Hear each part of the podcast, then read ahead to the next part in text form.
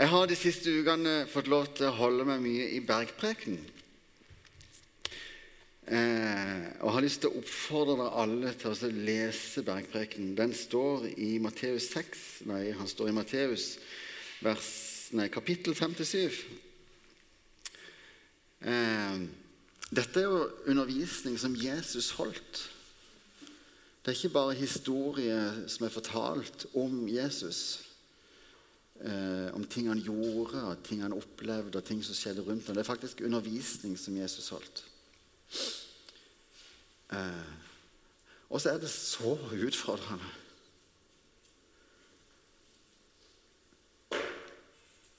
Mm.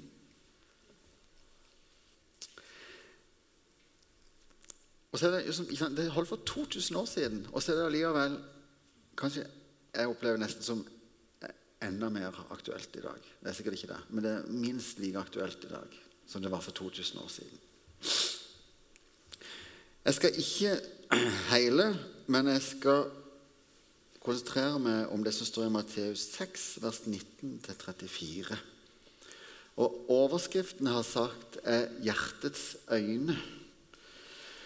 Det kommer vi litt mer tilbake til. Men vi skal begynne med å lese teksten. En litt lang tekst, så jeg har rett og slett eh, fått den opp på veggen her.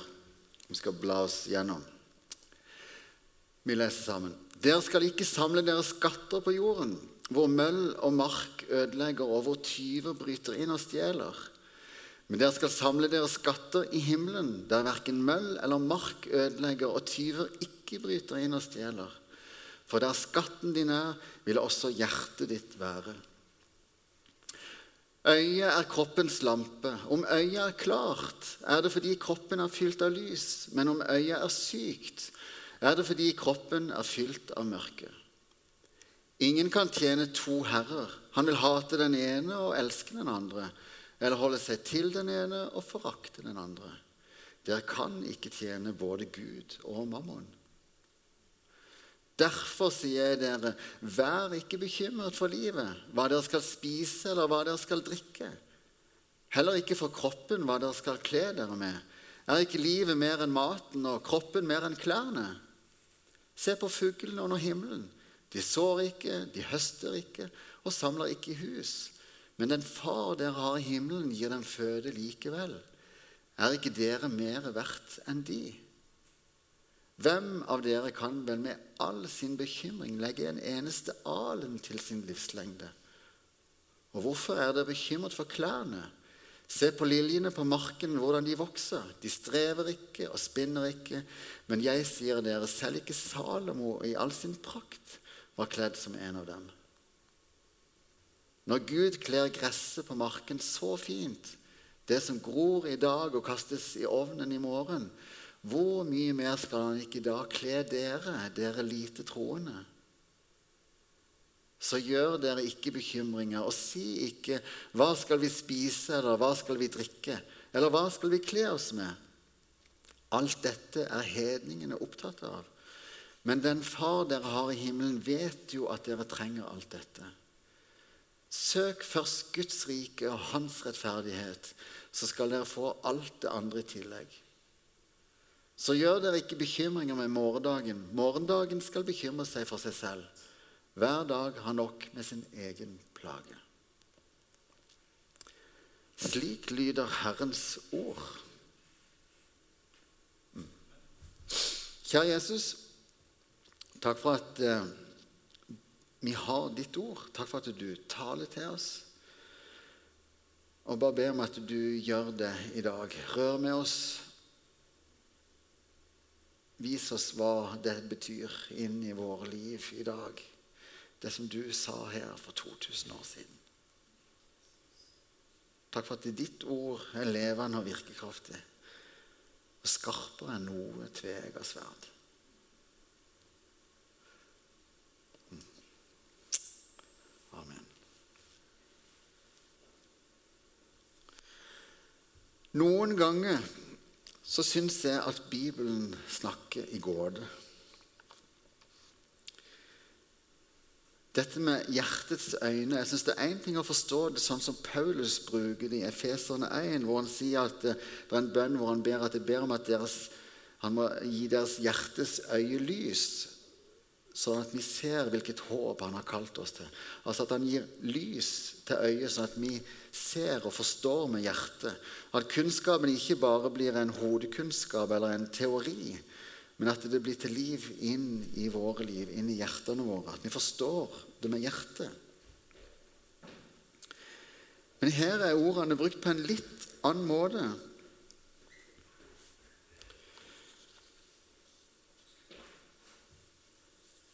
Det står at, at, at øynene våre er som lamper som lyser. I antikken så, så de på øynene som en slags lampe som lyste både innover i, i kroppene og inn i sjelen, men òg som lyste opp omgivelsene. Men, men, hvis vi leser den, vi skal lese sammen en gang til det som står, den versjonen som står i Hverdagsbibelen. For der står det litt annerledes. Der står det øyet ditt Det er jo bare de få versene der. da. Øyet ditt er som en lampe for kroppen. Dersom øynene dine er store av tro og begeistring, fylles kroppen opp med lys. Men dersom øynene er halvt lukket i grådighet og mistro, blir kroppen din en mørk kjeller. Hvis det som skulle være lyst, heller er mørkt, hvor bekmørkt blir ikke livet da? Der vi har to øyne og to ører, vi har en nese og en munn eh, jeg hadde egentlig ikke tenkt, men Jeg har en litt sånn morsom historie. Det var min tante som satt med barnebarn på sitt, sitt på fanget. Og så sa barnebarnet sånn Panne, øyne, nese, øre, munn, hage Men det der, hva er det for noe? Pekte på dobbelthage houses. vi, vi er vant til å snakke om om øyne og ører, men, men hjertets øyne er ikke noe som jeg prater om så veldig ofte, i alle fall. Eh, på engelsk så bruker de ordet 'healthy', altså hvis øyet blir sykt. Her er det brukt klart. Og Nå har ikke jeg lært meg noe gresk ennå, dessverre, men, men, det ordet som er brukt på gresk her, eh, der står det noe om at, eh, at det innbefatter det at øyet blir grådig og ufokusert. Og at hvis det blir sykt altså det er sykt, det betyr at det er sykt, så blir det grådig og ufokusert. Eh, mens når det er friskt, så er det sjenerøst og fokusert og målretta.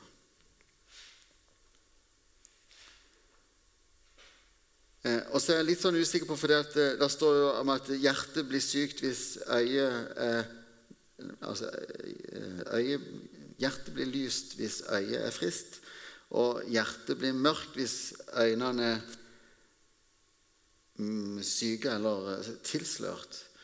Eh, men, så, men blir, hva som kommer først, er litt sånn usikker, egentlig. Og så er det kanskje nettopp meninga, fordi at dette er jo på en måte en sånn Dette går begge veier.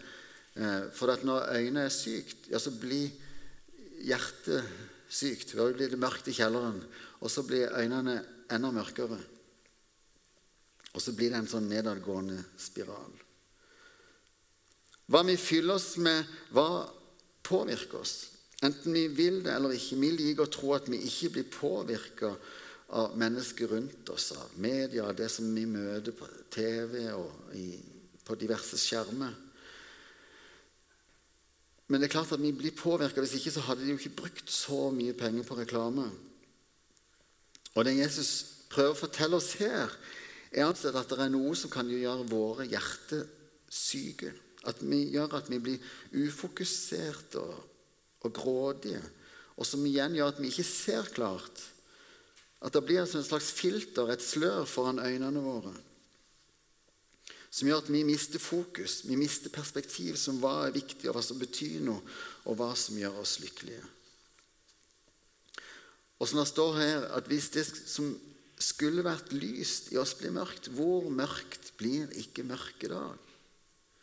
Hverdagsbibelen beskriver kroppen, at kroppen blir som en mørk kjeller. Og i en gammel, mørk kjeller, kanskje også dårlig ventilert og litt fuktig, der er det ikke noe godt å være. Det er ikke et sted hvor det vokser kjærlighet, glede og fred. Nei, tvert imot. Der er det mugg og spindelsvev. Der er det selvmedlidenhet og egoisme, skyld og skam som vokser. Og så er det jo da, Hva er det som gjør øynene våre syke? I teksten her så den, altså Disse versene her om at hjertet er, er om eh, øynene er som kroppens lampe, så står det midt imellom to advarsler. egentlig. Den ene er at du skal ikke samle skatter på jorda. Og det andre er at vi kan ikke tjene to herrer. Du vil hate den ene, og du vil elske den andre. Vi kan ikke tjene både Gud og mammaen.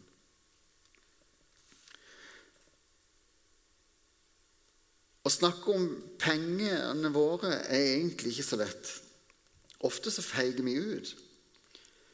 Vi utfordrer hverandre kanskje på Ikke bare kanskje, vi snakker om tiende. Det gjør vi. Eh, det at det, at det er en, en sånn eh, eh, Ikke et påbud, ikke sant? men en oppfordring om å gi tienden. Det, det står der om i Bibelen. Eh, og det oppfordrer vi eh, sånn i kristne sammenhenger til alltid. Og så syns vi at vi er kjemperause og flinke hvis vi klarer det. Og så er vi veldig eh, påpasselige med å, å, å, si at ja, det, det, er en oppfordring, det er ikke et krav, det er ikke et påbud. Eh, det er våre penger, vi disponerer dem sånn som vi vil sjøl. Men, men, det er noen sånne eh, kristne gudsliv, prinsippet, som ikke sant? Og så oppfordrer vi det. Masse velsignelse med det. Så viser jo for så vidt økonomien her i menigheten at uh, vi har et stykke vei å gå til vi er der òg. For hvis alle hadde gitt tienden, så tror jeg ikke vi hadde hatt noen økonomiske utfordringer i menigheten her. Men det er nå så. Men, men det, ting er at Jesus han snakket ganske mye om penger. 15% av all undervisningen som Jesus holdt, handla om penger. Og 11 av 39 lignelser som han fortalte, handla om penger eller det forvalterskap og disse tingene her. Og hvis vi hadde, talt, hvis vi hadde hatt det temaet så ofte på gudstjenestene her, så hadde de beskyldt oss for å bare være opptatt av penger. Det er det eneste de tenker på nede på Nordkirken Hall. Det er penger. For de snakker ikke om annet. ikke vel? Og så er det sånn at Gud, nei, Jesus han, han snakket jo ikke om penger fordi at de tenkte penger i menighetskassa. Det var, ikke, det var ikke det som var motivasjonen til Jesus for, for, for, å snakke om penger. Han snakket om penger fordi at pengene gjør noe med oss.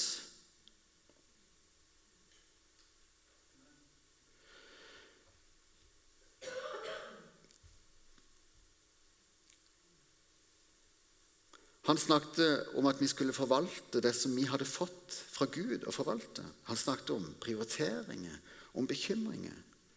Han snakket om mammon som en avgud. Når vi starta menigheten her, så var det viktig for oss at vi ikke skulle bruke tid på å samle inn penger. At vi skulle bruke minst mulig tid på det rent sånn praktiske rundt bygg og hus. Vi skulle fokusere på å vinne nye mennesker. Ja? Gud gjennom oss til mennesker. Vi skulle bygge fellesskap, vi skulle bygge menighet. Og så er jo det bra, men vi må faktisk snakke om penger. Ikke fordi at vi trenger penger. Dette er ikke en kollekttale. Dere. Det er, ikke, det er ikke derfor vi holder denne talen her. Eh, det handler om hva pengene gjør. Det handler om hjertets øyne som blir sykt. Og så er Det sånn at det er ikke noe galt i det å ha penger. Vi snakker jo om vår velstand som en velsignelse. Eh, og Det er det masse historier om i, i Bibelen. Tenk på Abraham. Så, han var jo han, sannsynligvis en utrolig rik mann. Og Gud velsigna han rikt fordi han var lydig og gikk i tro. Du har historien om, om Jobb, f.eks. Han var jo en av de rikeste som fantes på den tida. Så Utfordringa er ikke det at det er ikke vår velstand i seg sjøl. Det er jo hva velstanden gjør med oss. Hva velstanden vår gjør med hjertets lampe. Og plasseringa i undervisninga her, eller til Jesus, da, er jo ikke tilfeldig. Altså Midt inni i advarsler om, om pengebruk og om mammon, ja, så står det at hjertets øyne blir sykt. Skatter på jorda istedenfor himmelen gjør hjertet til en mørk kjeller. Vi kan ikke tjene både Gud og mammon.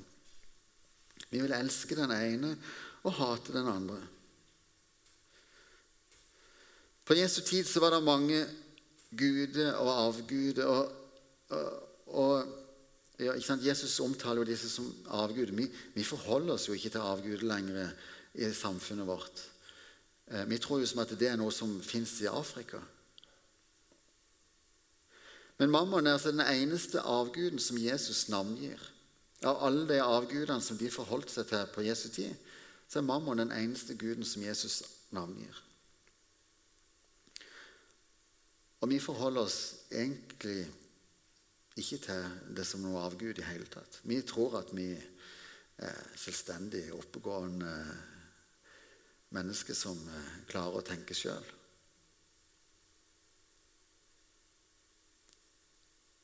Og så Dette protesterer jo i oss, ikke sant? for Jesus er jo veldig sånn kategorisk og veldig sånn svart-hvitt. Du, du, vil elske den ene og hate den andre. Det, det, er jo veldig sterke ord. sånn, ja, Men hallo, jeg er jo ikke der. Og i så fall så er jeg jo der hvor jeg elsker Gud. ikke sant? Samtidig vil jeg ikke akkurat si at jeg hater pengene. da. Det er ikke sånn at jeg blir sånn veldig irritert når pengene kommer inn på kontoen. Eller hytta. Nei, jeg hater ikke hytta. Nei, jeg syns faktisk det er veldig fint. Og så i dag, eh, Det må gjerne bli provosert i dag. Eh, og jeg, jeg, tenker det er kjempeviktig at vi, at vi, på en måte Dette ser ulikt ut i våre liv, og det er ingen fasit. Eh, eh, og det er, noe, det er ingenting altså Jeg tror at vår velstand er en velsignelse for oss, ikke vel? Men, men hva gjør den velsignelsen med oss? Og hvordan forvalter vi den velsignelsen som vi har fått? Hva gjør det med oss? Hvordan ja, Hva gjør det med haugene våre?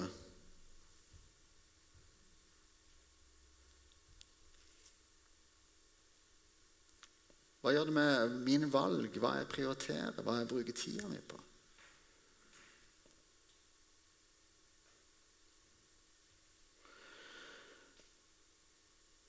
Vi skal lese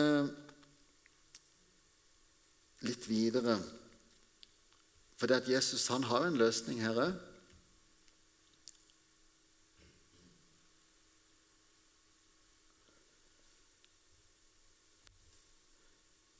For Jesus sier 'derfor sier jeg dere'.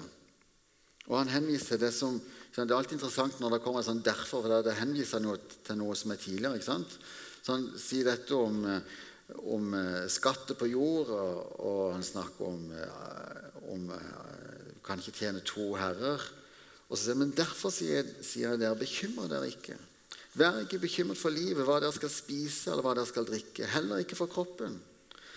Og når jeg holdt på med dette, så, så var det sånn liksom, nei, Jeg bekymrer meg jo ikke veldig for hva jeg skal spise og hva jeg skal drikke. Heller ikke forklare, Det er på en måte ikke veldig gjenkjennbare ting. Eh, men hva er det vi bekymrer oss for? Hva, det, hva, ville Jesus sagt til oss i dag? Og så begynte jeg også på en måte ok med Gud, men hva, hva ville du sagt hvis, hvis, Jesus skulle holdt den talen i dag? Hva ville du da sagt? Og så har jeg rett og slett omformulert litt. og så, Dette er mine tanker, så jeg vet ikke helt om det er lov å gjøre sånn. Eh, men kanskje eh, Jeg har skrevet om bergprekenen litt for dere. Nå skal vi høre. Sånn kunne det vært iallfall, da. Derfor sier jeg dere, vær ikke bekymret for livet, for strømprisene eller renta, for alt du så gjerne skulle opplevd, alt du er redd for å gå glipp av. Livet handler ikke det om mer enn alt du skal rekke og alt du skal oppleve, alt du vil oppnå i livet. Og kroppen mer enn om å se pen ut. Se på katten. Den gjør ikke den gjør akkurat som han vil. Han er ikke redd for å gå glipp av noe som helst. Og allikevel så, li, så nyter han livet til fulle der han ligger og maler midt i sofaen. Eller se på løvetannen. Den står der hvor han spirte, kommer ingen sted. Men likevel så lyser den i takknemlighet til sola som gir liv. Full av livskraft. Og frøene de seiler elegant og ubekymra av sted for å innta nye vokseplasser. Når Gud velsigner katten med et sånt livsnytende liv og løvetannen med en sånn glød og livskraft, hvor mye mer skulle han ikke da velsigne dere? Som er skapt i Guds bilde, skapt til fellesskap med Skaperen. Hvor mye mer skulle han ikke velsigne dere med liv, fred og glede, med tro, håp og kjærlighet? Så vær ikke bekymret. Si ikke 'hva går jeg glipp av', eller 'hva er mitt neste mål'? Bekymre deg ikke for hva som gir lykke, eller hva andre tenker. Slutt å sammenligne deg med de andre. Gud har en plan for ditt liv. Søk først Guds kongerike og hans sannhet så skal du få alt det som Gud har tenkt for deg, i tillegg. Så vær ikke redd for morgendagen. Den har nok med egne bekymringer.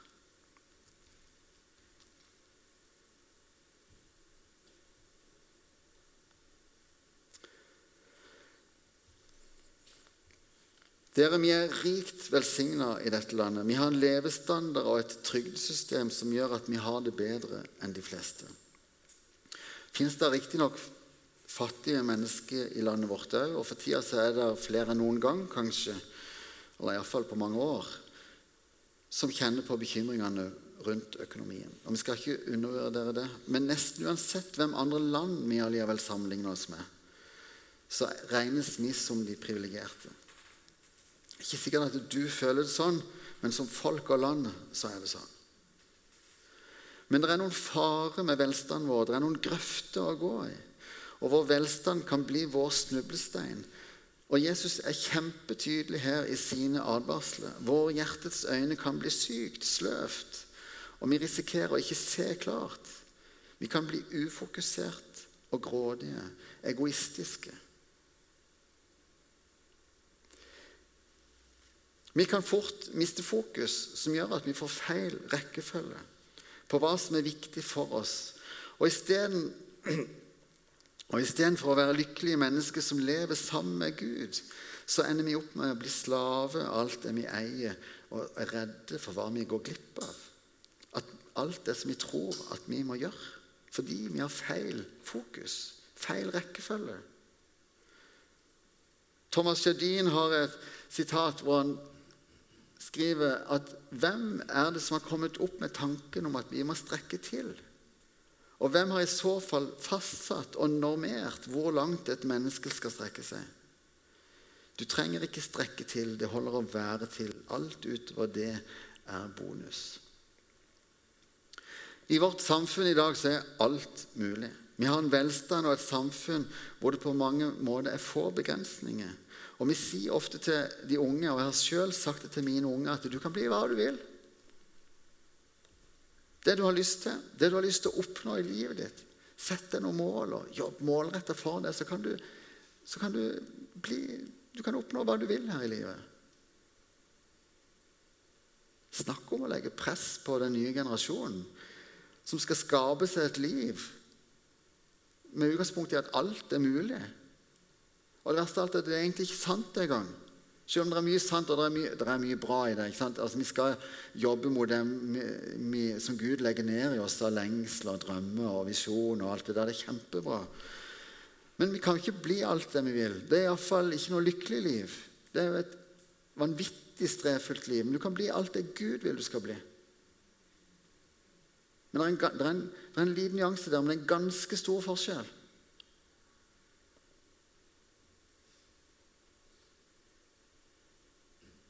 Kan bli alt det Gud vil du skal bli. Men veien dit er ikke gjennom blod, svette og tårer. Nei, det er søk først Guds rike og hans rettferdighet, så skal du få alt det andre i tillegg. Guds rike er et omvendt rike. Og vi kan ikke tjene Gud, både Gud og, mann, og mammon. Og, og, Jeg vet ikke om det er arvesynet som gjør det, eller hva det er for noe, men vi tror at vi må gjøre alt sjøl. Vi tror at vi må liksom, fikse livet sjøl. Vi tror at vi er sant, vår egen lykkes med. Det er denne verdens logikk, men det er ikke Guds logikk. Det er denne verdens teologi, men det er ikke Guds teologi. Det er ikke sånn at vi først må sikre oss det vi trenger, og så kan vi tjene Gud. Vi må ikke først skape oss et liv for deretter å kunne gi det til Gud. Guds velsignelse kommer ikke som en belønning fordi at du har jobba hardt eller vært flink eller et eller annet sånt, eller fått det til. Søk først Guds kongerike, så skal du få alt det andre i tillegg til Jesus. Og så er ikke dette dette er jo ikke en sånn herlighetsteologi hvor, hvor en da får eh, absolutt alt eh, som vi måtte begjære. Men vi får det vi trenger. Og, vi, og det er der gleden er. Han vil ikke nødvendigvis gi oss all mulig velstand og et enkelt liv. Men han vil gi oss et godt liv allikevel. For det er et liv sammen med Jesus. Det er ikke et liv hvor vi bare surfer gjennom livet fra den ene høyden til den andre. Men det er et liv sammen med Skaperen, han som er skapt til å leve sammen med. Og Gud vil at vi skal gi Han alt. Det var et budskap på det her i vår. Jeg vet ikke om dere husker det. Gi meg alt, ikke hold noe tilbake. Og når vi gir Han alt, da får vi alt. Og så er det allikevel så utrolig vanskelig for oss.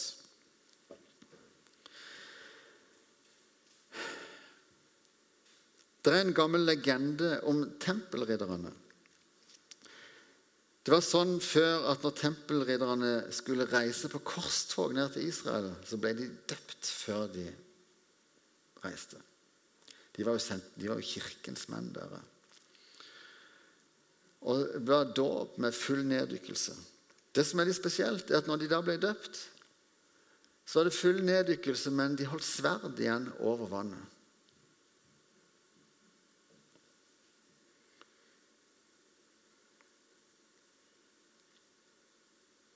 Og Det var ikke fordi at de var redd sverdet skulle bli ødelagt av vannet. De overga hele semen. de ga ikke sverdet til Jesus. Fordi, Antageligvis var det fordi at de visste at det sverdet trengte de til, til mer enn hva Jesus hadde tenkt de skulle bruke det til. For et tragisk utgangspunkt. Dere. Og, sånn, og sånn, I sånn historisk lys så er, det jo, så er det jo bare sånn Og dum går det an å bli?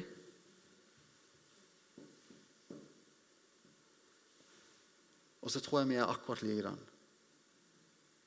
Det bare ikke så tydelig.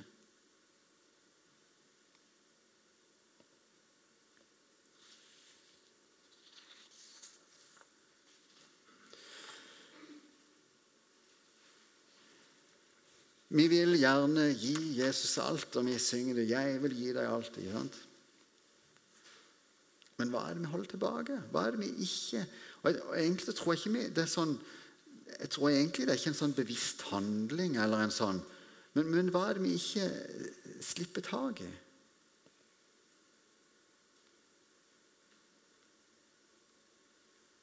Og I dag snakker vi jo om penger og prioriteringer. Om eh, mammon. Eh, de, jeg tror vi, vi, begrenser mammon litt sånn til å være en sånn eh, penge ting. Men, men, jeg tenker veldig mye av samfunnet vårt i dag eh, beskriver den der eh, mammon-ånden på et vis. Eh, det, er veld, det, er veldig morsomt. Men i krybba i dag så ligger det en mobiltelefon. Og det er helt tilfeldig. Det er noe, men, men, men hva er det som er fokuset vårt i dag? Hva, hva er det som, som stjeler all vår oppmerksomhet og fokus i dag?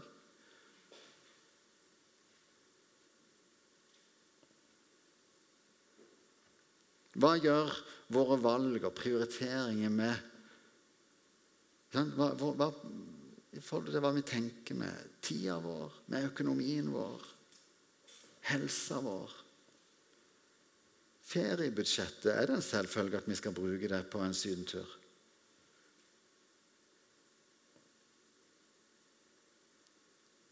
Ambisjonene våre, karrieren, anerkjennelse. Òg hva med våre sår og nederlag? Svik. Kanskje andres svik, som vi på en måte holder vekke fra Gud. Kanskje, altså, holder, vi på en måte ikke helt gi dette til Gud, for det, det har ikke han noe med, eller det, det er mitt, eller et eller annet. Jesus snakker om, eh, om slave som blir fri. Det er jo en sånn merkelig ordbruk for oss, for at slave er jo ikke noe vi forholder oss til. Men avhengighet Hva er det vi er avhengige av? Hva er det vi ikke gir slipp på?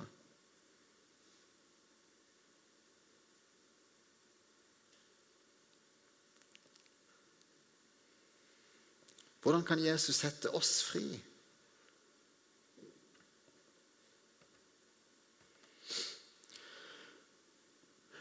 Det er en britisk teolog, en Robert Mulholland. Han har sagt noe godt nå. Frigjøring med Jesus er en holdning og en lengsel om en løsrivelse fra vårt eget liv og væren til absolutt tillit til Gud. Uten krav, uten betingelser og uten reservasjoner. Det er ikke en passiv resignasjon eller en slags skjebnetro. Nei, det er heller en livsholdning hvor vi overgir alt vi er og har til Gud, slik at Guds tilstedeværelse, mål og kraft kan bli til liv i oss i alle situasjoner. Les gjerne Gud gjennom oss til mennesker på siste linja der. Mm. Guds kongerike er et omvendt rike, og når vi søker Han først, da får vi alt det andre. Og om vi søker det andre først, ja, da ender vi ofte opp med begjær som alltid vil ha mer. Vi ender opp med den der berømmelige tofotssyken. Bare en litt større båt. Eller litt finere bil. Eller litt bedre karakterer. Drømmer som aldri blir mette. Litt mer. Litt større, litt finere, litt lykkeligere. Rockefeller, som på et tidspunkt var verdens rikeste mann, ble spurt om hvor mye tre penger trenger du egentlig. Just a little bit more.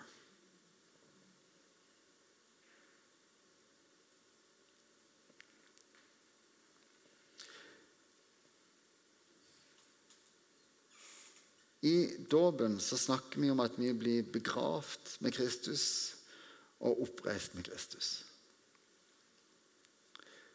Eh, og Det høres så voldsomt ut å skulle dø av, eh, fra seg sjøl. Iallfall i vår, vårt samfunn i dag, hvor, hvor, det er så viktig å realisere oss sjøl. Hvor, hvor, hvor, det er vår indre stemme som er den viktigste normen. Bare det er riktig for det.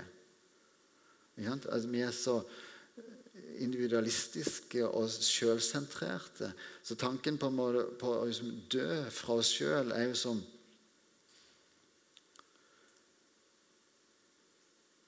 Ja, det, det, det, er en veldig fremmed tanke på mange måter. Og, og jeg har gått en del runder i, i meg sjøl de siste ukene på men, hvordan ser det egentlig ut? Hva, hva betyr det å dø fra seg sjøl? For vi er jo ikke den, ønsker jo ikke en sånn selvutslipp kristen eh, holdning hvor, jeg, hvor, ingen er noe eller betyr noe. Eller noe. Det, det, er ikke, jo ikke det det handler om. ikke sant?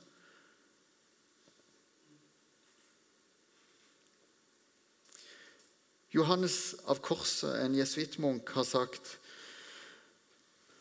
For å oppnå tilfredsstillelse i alt, begjær tilfredsstillelse i ingenting. For å komme til å eie alt, begjær det å eie ingenting. For å oppnå det å være alt, begjær det å være ingenting. For å komme til kunnskapen og visdommen om alt, begjær kunnskapen og visdommen om ingenting. Vi er mennesker, og vi er skapt i Guds bilde. Vi er skapt til fellesskap med Gud. Vi er skapt til å ære og tjene Han. Det er det som gir oss mennesker et godt liv. Ikke nødvendigvis et enkelt et, men et godt. Vi lar oss lett lure av denne verdens bedrag. Øynene våre blir sløve og syke, og vi mister fokus og narres til å tro på denne verden om hva som gir lykke. Det er så lett at våre prioriteringsrekker blir forskjøven. at Gud ikke står på førsteplassen. Og så ender vi opp med å i stedet for å tro på en allmektig Gud som har skapt oss i sitt bilde, så ender vi med å skape oss sjøl i andres bilde, og Gud, han skaper vi i vårt bilde. Og hvilke konsekvenser får ikke det?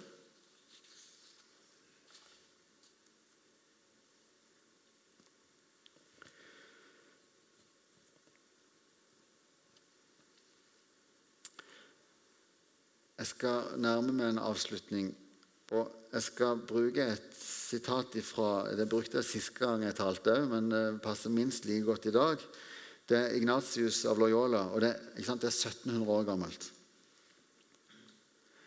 Mennesket er skapt til å lovprise, ære og tjene Gud, vår Herre. De øvrige tingens på jordens overflate er skapt for menneskene for å hjelpe dem til å oppnå det målet de er skapt til. Av dette følger at man må bruke de skapte tingene i den grad de hjelper en til å nå sitt mål, og fri seg fra dem dersom de hindrer en i dette. Derfor er det nødvendig at vi fristiller oss overfor alle skapte ting. Når det gjelder oss selv, skal vi ikke ønske oss helse fremfor sykdom, ære fremfor vanære eller et langt liv fremfor et kort. Det samme gjelder alt annet. Vi skal bare søke å velge det som er til mest hjelp for å nå det målet vi er skapt til.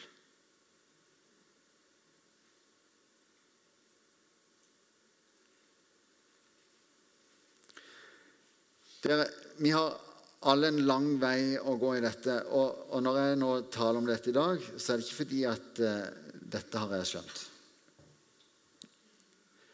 Uh, tvert imot så er det fordi at dette utfordrer seg på så på dypet. Uh, og jeg håper at vi sammen kan gå en vei i hvordan dette ser ut i våre liv. Og så har det forskjellige uttrykk. Og, og dette tror jeg er kjempeviktig. Altså, Vi må gi hverandre friheten her. For det, at det kan se ut på én måte i mitt liv. Det kan få noen konsekvenser og noen valg i mitt liv, og så kan det se helt annerledes ut i ditt liv. Men jeg tror det er kjempeviktig, og jeg håper jeg har på en måte røska litt oppi der og fått deg til å tenke på noe. Ja, men, ja, men, ja, men det er jo ikke sånn. Eller Ja, men hallo. Eh, ikke sant? Jeg håper dere får noen behov for å forsvare dere litt.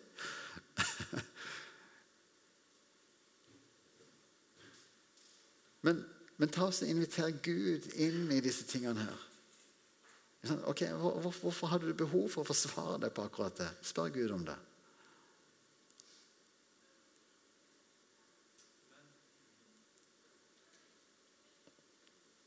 Gud har noe for oss her. Og og ting at når, når, øyet, når det blir sløvt, så er det ikke sånn at det Oi, sånn, plutselig så ble det sløvt. Det er en sånn gradvis ting som gjør at vi ikke merker det sjøl, egentlig. ikke vel?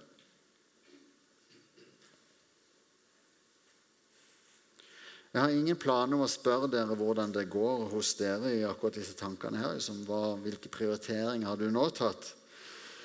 Men spør Gud, så håper jeg at vi alle sammen kan gå en vei i dette. Vi skal lese sitatet fra Ignatius en gang til før jeg avslutter og ber litt. Mennesket er skapt til å lovprise, ære og tjene Gud, vår Herre. De øvrige tingene på jordens overflate er skapt for menneskene for å hjelpe dem til å oppnå det målet de er skapt til. Av dette følger at man må bruke de skapte tingene i den grad de hjelper en til å nå sitt mål, og fri seg fra dem dersom de hindrer en i dette. Derfor er det nødvendig at vi fristiller oss overfor alle skapte ting. Når det gjelder oss selv, skal vi ikke ønske oss helse fremfor sykdom, ære fremfor vanære eller et langt liv fremfor et kort. Det samme gjelder for alt annet. Vi skal bare ønske å velge det som er til mest hjelp for å nå det målet vi er skapt til. Mm. Kjære Jesus, takk for at eh, vi er skapt i ditt bilde, og takk for at vi er skapt til fellesskap med deg. Vi er skapt til å leve sammen med det. Og takk for alle gode gaver, alt det som du har gitt oss. Skaperverket, naturen, jorda. Alt det som vi har rundt oss, men vår velstand. Og så bare ber Jesus om at du hjelper oss til å se hva alt det som vi har fått å forvalte, alt det som vi omgir oss med, hva det gjør med våre liv. Med haugene våre, med hjertene våre. Hjelp oss til å ta gode valg, og hjelp oss til å leve tett til det i alle disse tingene. Hjelp oss til å sette det først. Og hjelp oss til å ikke være bonden av dine gode gaver men til å være fri til å tjene det med alt det som vi har fått, og tjene det med Jesus. Vis hver enkelt av oss hvordan dette ser ut i, i våre liv. Mm.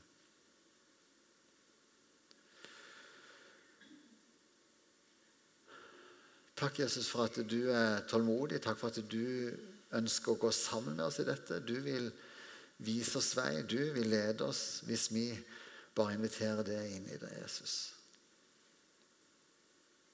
Dette er ikke noe som eh, vi får til på egen hånd. Dette er noe som du må gjøre i oss, Jesus. Og bare be om at du leder oss i dette. Ja. Så ber vi om at du avslører denne verdens bedrag for oss.